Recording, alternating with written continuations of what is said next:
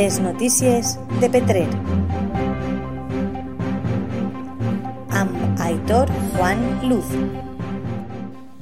La campanya Petrer Units contra els rebrots ha activat una segona fase per a evitar els contagis d'origen social. Segons ha explicat la regidora de Sanitat de l'Ajuntament de Petrer, Juani Ochoa, ara és molt important que tratem de frenar els contagis socials, d'ahir que les accions es centralitzen als parcs i a les cafeteries. Per altra part, la regidora agraeix públicament a tots els participants d'aquesta campanya i a les actuacions per part de les famílies. Les notícies de Petrer. Amb Aitor Juan Luz.